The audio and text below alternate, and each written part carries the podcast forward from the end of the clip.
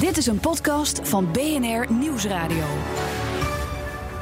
Ik heb testament gemaakt um, op het moment dat wij gingen skiën met kantoor. En ik dacht, oeps, wie weet gebeurt er straks wat. Dus mijn kantoor zat te wachten in de bus. En toen heb ik uh, gauw uh, achter de computer nog snel testament ja. getypt, getekend en in de kluis ge gedaan. Dit is de Dooddoeners Podcast. Over alles wat je goed geregeld moet hebben voordat je doodgaat. Mijn naam is Paul van Diemt en wil iets vertellen over de ontstaansgeschiedenis van deze podcast. Het is heel bijzonder. Het is namelijk een spin-off van juridische zaken. Op een gegeven moment hadden wij daar een notaris en een advocaat uitgenodigd. En na afloop raakten we niet uitgepraat met die notaris en die advocaten bleken echt natuurtalenten. En natuurlijk, hè, de wakkere redacteur Daan Marcelis en ik, die dachten: wacht even, onze journalistieke intuïtie gaat opspelen. Hier moeten we meer mee doen. En het gaat dus over erfenissen. Alles wat ermee te maken heeft. Dat heeft te maken met emotie. Dat heeft ook te maken met, ik moet het zeggen, inhoud. Want dat is het ook. Heel belangrijk, heel veel vragen erover. En die gaan we allemaal beantwoorden in deze serie. En niet geheel onbelangrijk om erbij te vermelden... dat die serie natuurlijk geld kost. Die serie wordt dus financieel mede mogelijk gemaakt door DAS. Want zij zien natuurlijk elke dag hoe het mis kan gaan met die nalatenschappen.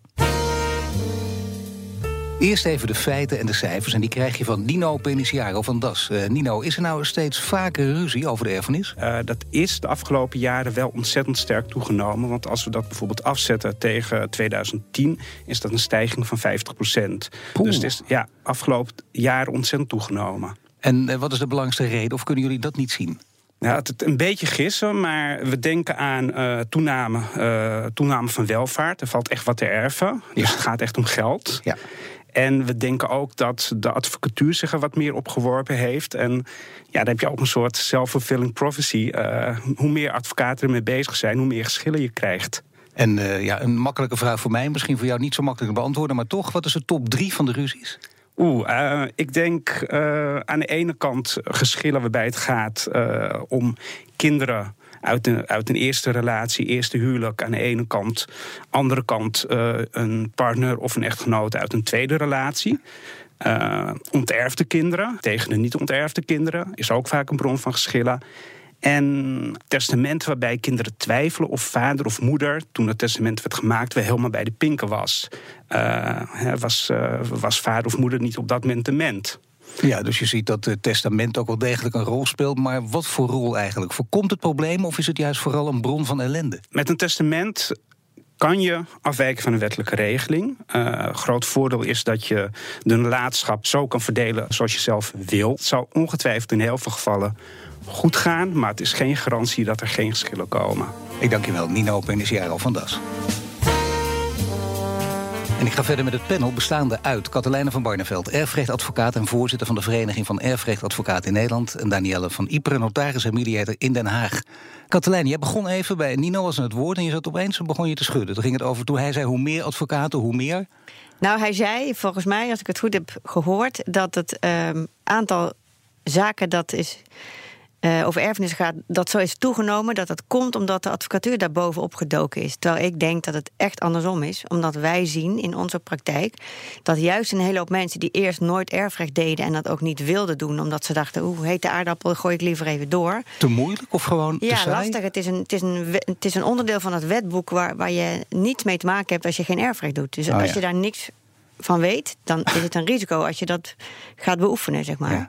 Dus op het moment dat je dan toch zo'n zaak krijgt, dan schuif je hem gauw door. En op het moment dat je dat voor de vierde keer hebt, dan denk je, nou, dus, daar is werk in.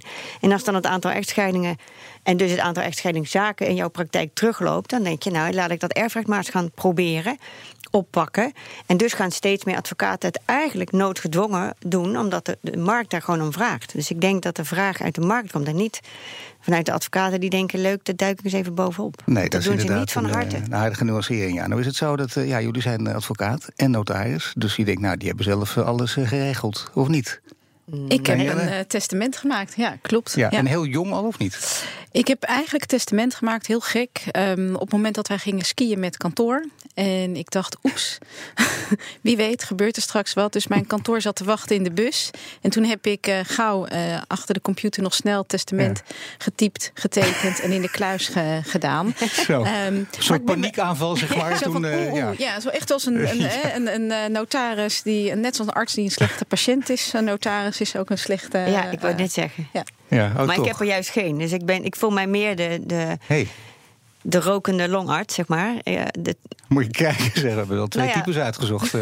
ik heb geen testament, nee. nee, en, en, maar de- inderdaad, heel onverstandig dus? Of gewoon een beetje Deels, kop in het zand deels. steken? Nee, het is omdat ik inderdaad dacht, ik ben getrouwd, ik heb kinderen. Als ik niks regel, dan zegt de wet dat alles naar mijn man gaat... en dat de kinderen niet op eisbare vordering krijgen. Dat is hoe ik het wil op dit moment. Maar toen ik een keer met hem samen in het vliegtuig zat... dus nog net even anders dan skiën, maar hetzelfde idee. Nee, dat niet, maar Oh, ik dacht wel, als wij nu neerstorten... dan eh, heb ik toch een probleem. Dan heb ik de voogdijen niet geregeld. Dan weet ik niet waar mijn kinderen naartoe gaan. En dat kan, dan komt de Raad van de Kinderbescherming erbij... dan gaat het alle kanten op. Dat wil je helemaal niet. Ja, en dat Ja. was voor mij de reden om dat testament dus juist te maken. Omdat ik dacht van nou, ik Ja. wil vastgelegd hebben wie in mijn familie dan voor onze kinderen Maar ja, toch interessant. En bij jou, van, ik zeg het een beetje, maar het kan eh, een beetje gek scheren, maar toch een bijna soort paniekaanval. En bij jou eigenlijk ook een soort eh, paniekgevoel in het vliegtuig. En stel dat er iets heel ergs gebeurt. En dan word je aangezet, hoewel jij hebt dan toch eh, dat gevoel weet het. Nou, misschien ook een beetje luiheid of drukte in de praktijk. Maar het is meer dat je... Uiteindelijk heb ik gedacht, nu zijn ze oud genoeg. Hè, boven de 14 en zo. Dan worden ze zelf ook eh, gevraagd, wat wil jij? En dan Ja. mogen ze dat kenbaar maken. Dus nu is het niet meer zo nodig. En nu laat ik het ook maar gaan. Dus jij denkt ook, het is voor mij gewoon, het is niet meer nodig. Hoe dan ook. Ik hoef geen Ik testament heb te geen hebben. hele rare, bijzondere wens op dit moment. Nee, in zoverre dat wat ik zei, als ik wil dat Nee. mijn man nu alles eh, krijgt... en verder mag leven zoals wij nu leven, met de kinderen... Dan, Nou, nee, ik denk meer van economisch gezien zal de achterban hier wel weer eh, met je over in discussie gaan. Zeker. Oké, maar het is wel eerlijk. En het testament is soms wel aan te raden. Ik bedoel, er zijn momenten denk ik dat je zegt, ik- je kunt er niet omheen. Kunnen jullie, kunnen je Daniel een voorbeeld geven? Nou, wat ik merk, zeg maar het voorbeeld wat ik zelf gaf... dat ik een soort van paniek eh, had van... oeps, ik moet nu wat regelen, want stel dat er wat gebeurt... dat zie ik in de praktijk eh, voorkomen dat mensen bijvoorbeeld geopereerd moeten worden. Of dat er iemand in hun omgeving is overleden... en dat ze denken, jeetje, ik moet nu eigenlijk zelf ook wat gaan eh, regelen. Dus vaak is dat eh, paniekmoment een soort bewustwording... dat er iets geregeld moet worden. Mensen beseffen zich vaak dat ze, als ze geopereerd worden en ze er misschien niet uitkomen of wat dan ook, ze eigenlijk nooit goed hebben vastgelegd wat ze wilden. Of dat, dat nooit duidelijk hebben kenbaar gemaakt naar hun eh, ja, erfgenamen, kinderen, Maar hoe, hoe nabestaanden. komt het dan? Want het kan inderdaad een mengeling zijn van ik heb het te druk of, of ik ben er te lui voor. Of wat ook. Ik of denk of het ook- kan bij zijn dat je denkt, nou dat is iets voor oude mensen. Ik denk dat dat iets Dat is. laatste ook. Heb ik En- altijd gedacht, en- stel ik het inmiddels ook Ja. een beetje. Maar het, eh, dan denk Het je is dan ook nog wel steeds. hè? Je confronterend blijft om er jong daarmee bij. bezig te zijn, denk ik. Het Ja. is best moeilijk. Ook als je een gesprek aangaat bij een notaris, worden er natuurlijk best wel wat vragen, moeilijke vragen gesteld. En we Ja, praten de hele tijd over een dood. moeilijke vraag. Wat dan? Ehm, nou, soms weten mensen al niet eens of ze begraven of gecremeerd willen Oh worden. ja. En wie gaat voor u straks uw huis leegruimen? Oh en, ja. ehm, Daar denken ze dus pas over na. Op het moment dat ze ermee geconfronteerd worden omdat iemand anders is overleden. En dan zie je wat er allemaal gebeurt en wat dat voor gedoe kan opleveren. En ook problemen dus. Ja, dat betekent dus dat het, als ik dit weer hoor, voor iedereen wel degelijk aan te raden is, bijna uit de sociale overweging al, om het gewoon te doen. Om, Om het iemand met gedoe op te te maken zadelen. voor je nabestaanden, ja. Ja. Ja. Maar ja, maakt het niks uit, eh, Katelijne. Ik, nou, hè, wat flauw zeg. Ja, ik moest hem even maken. Ik zal het echt Ja. maar één keer doen. Waar moet je nou echt op letten? Je gaat een testament afsluiten. Je hebt dan die, die hobbels genomen. Wat zou je mensen aanraden? Waar moet je echt hoe dan ook op letten? Er zijn altijd één of twee hoofdpunten. Ik denk vooral aan ook de praktische eh, werkbaarheid van een testament. Ik denk dat dat ook heel belangrijk is. Dat als je zegt van ik benoem bijvoorbeeld mijn twee kinderen samen tot executeur. Ze moeten alles samen gaan afwikkelen. Gaat Ja. dat ook werken in de praktijk? Oh ja. Precies. Of als Daar je- lopen wij tegenaan natuurlijk, hè, in de advocatuur. Ja. Daar waar, je, waar het wel goed geregeld lijkt te zijn. Mensen denken dan, ik heb het toch, ik heb een testament, ik heb alles voor elkaar. Ja. Dit wordt hem. Ja. En toch komen ze uiteraard soms bij de advocaat. Dus daar zijn dingen zodanig geregeld waarvan de notaris denkt, dit is rond, zeg maar. Maar dan blijkt het toch vierkant te zijn. En dan is er een andere uitleg mogelijk of een andere uitwerking. Of, ik had laatst een, een zaak waarbij twee executeurs waren benoemd... en die mochten het met z'n tweeën oplossen. Maar uiteindelijk bleken de erfgenamen toch zodanig in conflict te zijn... dat die twee executeurs zeiden, ja, wij trekken onze handen er even vanaf... en jullie moeten het nu maar zelf uitzoeken. Of is, zo'n dat een extreme situatie die je nu schetst? Of komt dit toch vaker voor dan ik Dit denk? komt denk ik Heel regelmatig voor. Ja. Dus toch. Ja.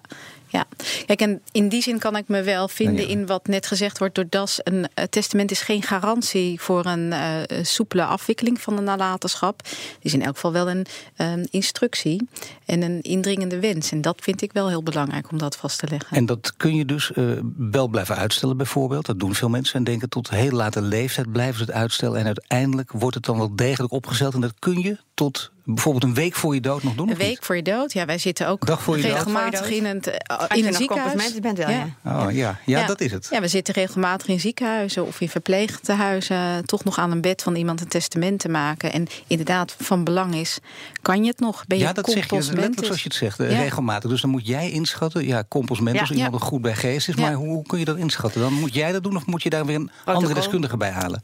Er is een heel protocol voor. Uh, soms um, maak je ook helemaal geen zorgen of twijfel je helemaal niet. Is iemand gewoon composment? Het ligt er ook aan hoe oud is iemand, in welke situatie. Als iemand gewoon uh, terminale uh, kanker heeft en hij is 50, ja, dan is dat iets anders dan uh, iemand van 90. Er is zeg maar een heel protocol voor notarissen wat ja. ze moeten volgen. En bij twijfel kunnen ze een arts inschakelen. En, en er is een hele vereniging van indicerende artsen. En die komen dan langs. Um, en beslissen dan, is iemand composmentus, zoals dat heet. Ja, maar je kunt in ieder geval een testament uh, zo laat ja. mogelijk nog opstellen als je ja. wil, vlak voor je dood ook. Ja. Maar een testament heeft dus allerlei voordelen die jullie net geschetst hebben. Kan ook een bron van ellende zijn. Soms denken mensen, ik heb het goed voor elkaar. Ik heb een testament en ik heb alles opgeschreven zoals ik het wil hebben. Ja. En misschien ook wel in overleg met anderen. En toch kan het ellende opleveren. Wanneer is dat het geval? Wanneer moet je eigenlijk oppassen? Katelijne. Als de regie zodanig is, de formulering in het testament, dat het voor meerdere uitleg vatbaar is. Waardoor sommige dingen, sommige kinderen misschien denken: ja, maar dit kan, dit kan nooit, zo kan vader het nooit bedoeld hebben. Hij heeft het anders bedoeld. Ja, maar of, dan moeten de, de kinderen dus met elkaar goed overweg kunnen. En dan moeten kinderen ook met elkaar in redelijkheid daar overleg over kunnen hebben. Anders is het uitgesloten dat daar een verandering in plaatsvindt. Want wie, wie van de kinderen gaat er dan tegen vader zeggen? Maar je nou, moet het testament laten veranderen. Nee, dat, dat doe je niet voor het overlijden. Dus na het overlijden komt er zo'n testament naar boven.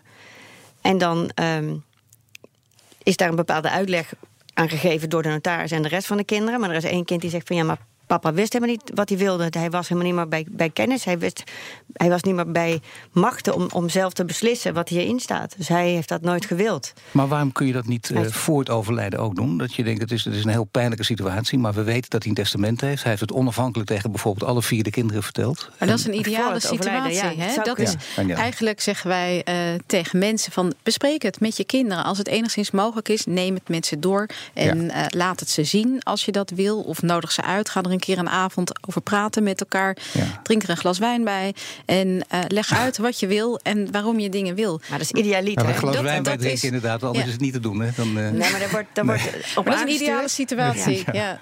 Het gebeurt te weinig, ja. Ja, het gebeurt te weinig. Toch heb ik daar mijn vraagtekens bij als jullie het niet erg vinden. Want uh, dat betekent dus wel dat je vader en moeder, of vader of moeder, in een bepaalde rol zet. Namelijk, die moeten zeggen: uh, kind A geef ik dit, kind B geef ik dat, kind C geef ik dat. En ja, heb je tijdens het leven nog ruzie en gezeik. En dan denken die ouders waar. Ja. Nou, of koppen het zand, waarom zouden ze tijdens het leven al ruzie gaan maken? Of dat, dat, dan komen elke keer de kinderen langs en dan gaat het. Altijd kon je overal over praten. Nu gaat het voortdurend over het testament. Pa, doe er eens wat aan. Klopt. Waarom word ik uh, achtergesteld? Ja, ja. Ja, dat is ook een reden om het niet te doen. Dat kan ik me ook voorstellen. Ja. Het is, dan werkt het niet en dan heeft het ook helemaal geen nut. En dan kan je het maar beter gewoon in je testament opnemen en er de uitleg bij geven die je misschien tijdens leven had willen geven. Ja, juist omdat het over veel geld ook kan gaan, kunnen die ruzies meer dan, dan in het verleden vaker oplopen. Merken jullie dat ook? Want het is best lastig. Ik bedoel, stel dat ik jou als notaris, jou als advocaat om advies zou vragen. Uh, weet ik wat, wat zouden mijn oude ouders moeten doen? Willen die gezeik en ruzie? Of willen die, moeten die in redelijkheid toch op hoge leeftijd de discussie met hun kinderen aangaan? Ik denk dat dat echt heel erg afhankelijk is of de mensen dat zelf willen en aankunnen. Want dat is. Vooral heel... aankunnen, denk ja. ik. Want het gebeurt niet voor niks, hè? Niet. Sommige mensen willen gewoon met een bepaald uh, geheim, wil ik niet zeggen, maar toch situatie het graf in. Omdat ze denken, nou ja, dat lossen ze dan maar na mijn uh, tijd op. Ja. Um, en anderen die willen wel dat gesprek aangaan. En soms lukt dat ook. En soms kun je dan voor het overlijden in goede aarde dat allemaal bespreken om aan te geven. Bijvoorbeeld dat je één kind wil onterven, want die heeft al heel veel gehad. eh, omdat hij het nodig had in plaats van anderen die dat niet hadden. En dan wil je dat toelichten. En soms gaat dat goed, maar soms ook helemaal niet. Nee, want zo'n toelichting is natuurlijk altijd voor meerdere uitleg vatbaar. Dus ik begrijp wel toch ook van ouders dat ze daar moeite mee kunnen hebben. Nou ja, zelfs als ouders bijvoorbeeld één kind willen bevoordelen omdat hij wat het zwaarder had in het leven dan de andere. Die anderen hadden goede banen en deze niet. Dan kan je dat wel uitleggen, maar dat wil nog niet zeggen dat die andere twee kinderen het daarmee eens zijn. Uiteindelijk zijn het allemaal emoties. Het gaat allemaal om emoties. Hoe is het geweest vroeger? Hoe ben je met elkaar omgegaan? Maar krijgen jullie dat nog vaak terug dan? Hoe het, hoe het uiteindelijk gelopen is? Wat er uiteindelijk uh, gebeurd is? Soms wel. Ik heb ook een, een zaak waarbij, waarbij er een hele merkwaardige reden was om uh, nou ja, zowel de echtgenoot als een van de kinderen te onterven. Maar daar wordt niks over gezegd en niemand, niemand praat erover. En, en er, is, er zijn ideeën over, maar er wordt uh, niks over gezegd. Dat blijft, dat blijft een geheim.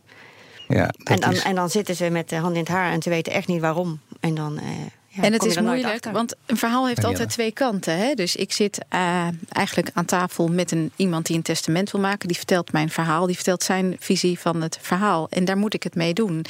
En uh, het wil niet altijd zeggen dat als een nalatenschap afgewikkeld wordt... ik ook al die erfgenamen aan tafel terugkrijg... en dan de andere kant van het verhaal hoor. Nee. Dus soms moet je gewoon maar ja, roeien met de riemen Ja, maar toch heb ik in mijn vak ook. Dan moet je een blanke regel is hoor- en wederhoor plegen. En soms ja, raak je ja. totaal in verwarring. En dan heb ik het makkelijk, want dan denk je... nou, dat is partij A, dat is partij B. Maar als je echt de keuze moet maken, dan, vaak voel je het ook aan je water. Hebben jullie dat ook, dat je het meestal wel in de gaten hebt? Dat je het niet mag zeggen bijvoorbeeld, maar dat je wel duidelijk hebt... dit is de partij die gelijk heeft en dat is de partij die dwars ligt.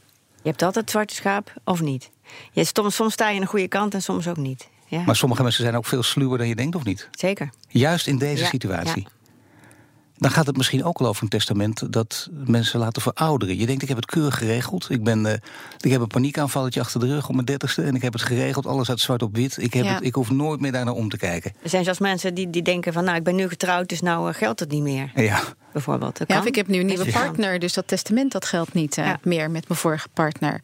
En dat is een beetje natuurlijk waarom het wel moeilijk is. eh, als je een testament hebt, heb je ook een verantwoordelijkheid om dat testament bij te houden. Dat je ook echt één keer in de zoveel tijd eens moet kijken van past het nog bij de huidige situatie? ja, maar hier denk ik dan toch vaker met mijn eh, achterdochtige geest... oh, dat is natuurlijk toch weer eh Ja, maar de- winstbejag en de logisch. eh, de Nou. wetten veranderen, tijden veranderen. Persoonlijke situaties veranderen. veel meer dan vroeger natuurlijk ook. Veel meer dan vroeger, misschien ook sneller eh, dan vroeger. Bijvoorbeeld als je bewind hebt ingesteld over het vermogen van de kinderen... en die kinderen zijn inmiddels oud genoeg om dat niet meer nodig te hebben. Of zo, ja, je kunt het op van alles moeten aanpassen. Of Ja, je of laat je, je geld na aan iemand aan wie je het niet na wil laten... omdat er een kink in de kabel is gekomen. Dan Ja, denk je, nou laat ik het eh, Ja. testament maar eens gaan wijzigen. Maar wat ben je dan kwijt? Ik bedoel, gaat het dan om serieuze bedragen... of is dat echt wel te overzien? Ik denk dat dat best te overzien is. De notaris hebben vrije tarieven. Dus ehm, je kan, Ja. dat zal je gewoon eens moeten informeren bij de notaris. Wat maar geef eens een bandbreedte dan. Wat ben je ongeveer kwijt als je echt een testament grondig wil veranderen? Grondig wil veranderen. Ja. Ik denk dat de bedragen voor, voor een testament die variëren tussen de twee ehm 700 euro op uurtarief. Dat geldt, eh, geldt allemaal, is allemaal anders per notaris. Ja, maar je kunt er wel Hey, van zijn er uitgaan. notarissen met 700 euro uurtarief?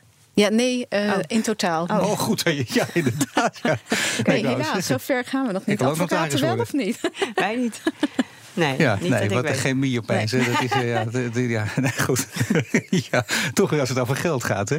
Maar de, Nee, maar eigenlijk is het heel erg zonde dat die vraag over dat geld Nee, altijd gesteld wordt. Van wat Oh. kost me dat? Wat kost me dat? Wat kost me ja, dat? nee, maar niet kwalijk. Het moet Ehm, geen reden zijn, hè? om dat moet dus niet een reden zijn. Ja, nee, maar dat... hè, hè. Het geld je- houdt mensen er ook vaak van weer af mensen, om koop iets te dat schilderij. regelen. Nou, dat, maar dat moet, geld moet geen reden zijn. Nee, het is maar zo als je mooi wat u in huis heeft hangen. Wat het na Leg afloop dat geld voor neer. gedoe met zich meebrengt, weet je wat dat kost? Ik bedoel, dan, dan heb je dat er graag voor over. Met terugwerkende kracht. Ja, maar goed, ik heb een goed testament stel en ik wilde iemand uithalen. En, en dan Heb denk je een ik, goed ja, testament? Ik heb een goed testament, ja, denk ik. En ik eh, ook in een paniekaanval opgesteld. en toen dacht ik, nou, ja, toch wel nodig. eh, want eh, opeens mensen om mij heen gingen dat ook doen. En dan wil je juist geen kudde die zijn, maar dan blijkt je dan helaas toch weer te zijn. Ik denk, laat ik het ook maar doen. Ik heb die wijziging overigens niet over bedacht, maar wel gehoord. Als je dat wilt doen, die wijziging, dan kost dat in het geval van, eh, van een vriend van mij, of beter gezegd een bekende, kostte dat 500 euro. Een jaar of drie, vier geleden. En die heeft er toch, hij kon het wel betalen, heeft er toch serieus over getwijfeld. Want hij zei, het ging maar om één regeltje. Ja. En dat is de verkeerde manier van Maar denken. één regeltje kan alles. Als, je, als er staat ik herroep, dan wordt alles anders, ja, zeg maar. Wat een Dus heerlijk vak. Ja, regeltje. Nee, dat het, we gaan ons dan ook bevinden in een soort andere discussie. Hè? Dus dat eh, over het geld. En eh nou ja, dat is eentje die ik eigenlijk altijd heel graag wil vermijden. Wat je eh, wel wil weten is wanneer ook, zijn er, wanneer zijn, Oh. Maar wanneer zijn er de meeste conflicten? Als er geen testament is of als er wel een testament is? Want dat kunnen jullie volgens mij heel goed overzien. Toch is het een moeilijke vraag. Ik denk ehm, dat we procederen veel over testamenten. Dus over de uitleg of over de. ehm, ja, ik denk, ik denk dat dat meer voorkomt. Tenminste bij mij. Maar als je dan praat Ja. over procederen, dan kan ik me voorstellen dat er geprocedeerd wordt over eh, ehm, nou, testamenten, uitleg van testamenten. Maar ik merk ook dat er wel conflicten of problemen zijn. Misschien hoeft het niet, het hoeft niet altijd een conflict te zijn, maar er kunnen ook problemen zijn bij het ontbreken van een testament. Juist, ja. Als iemand gewoon overlijdt op zijn 89ste, heeft eh, eh, tien 20 broers en zussen. Nou ja, 20 Oh ja, erfgenamen is nog te overzien. Maar Oh. wij komen regelmatig, hebben wij nalatenschappen... waarin we ehm 40, 50, maar ook een keertje bijvoorbeeld 200 erfgenamen hebben. Ja, dan zijn er al een paar generaties dood. En dan moet je, waar je dat zich uit. Ja, maar 200? Hoe, Ja, eh, hoe 200. kan dat, maar je eh, moet je voorstellen, het kost ook twee jaar soms of drie jaar... om al die erfgenamen te traceren. En, ehm, Dat is wel eh, uitzonderlijk hoor, denk ik. 200. ja, Ja, voor ons 200. is het- nee, ik ja. zit even te rekenen. Hoe dat, dan moet je toch flink... eh, Nou, vroeger had je natuurlijk grote gezinnen. Al was het al gauw wat? tien eh, grote gezinnen. Tien, eh, Tien eh, kinderen of zeventien kinderen. ja. En dan, Hoe zeg je dat Oh. netjes inderdaad, Ja. Katelijne? Dan ben je meer bedrijf dan ik. Dat is, maar 200 zeg ik zou bijna zeggen, moet je een bonus erbij krijgen. Maar dat is Nee, maar moet je eens voorstellen om Ja. 200 neuzen dezelfde waanzinnig. kant op Nee, te krijgen. dat dat is gewoon bijna niet te doen. En de tijd die het kost om al die mensen te traceren. Soms gaat een nalatenschap wat daarin in zit, eh, gewoon op aan het onderzoek, het erfgenamenonderzoek. En als zo iemand dan gewoon een testament had gemaakt en gezegd had van nou, ik wil eigenlijk gewoon het liefst dat alles naar de, het Rode Kruis gaat of de Alzheimervereniging. Ja. Fantastisch. Of mijn buurvrouw die elke dag zo lief mijn hondje voor me uitlaat. Prima. En dat is zo zonde. Hm. En dat merken we dat dat gebeurt. En dat mensen eh, dan eigenlijk ook nog ehm, ja, overal meekomen. En ook mensen die geen testament maken. Ja. Familieleden hadden waarvan ze zeggen... ja, weet je, die zie ik eigenlijk nooit. Maar die op het moment dat iemand is overleden... opeens eh, Op als eerste op de stoep staan. En eh, zeggen, ja, wij, eh, ik, ik had zo goed contact met, eh, met oom. We horen het, einde, ja. we horen het einde naderen. Dat wil zeggen van deze podcast. Testament of niet? Ja, de conclusie is bijna niet te trekken. Hoewel, in de volgende editie dan hebben we het over, over de tweede leg. Want wat als je kinderen hebt uit een eerder huwelijk?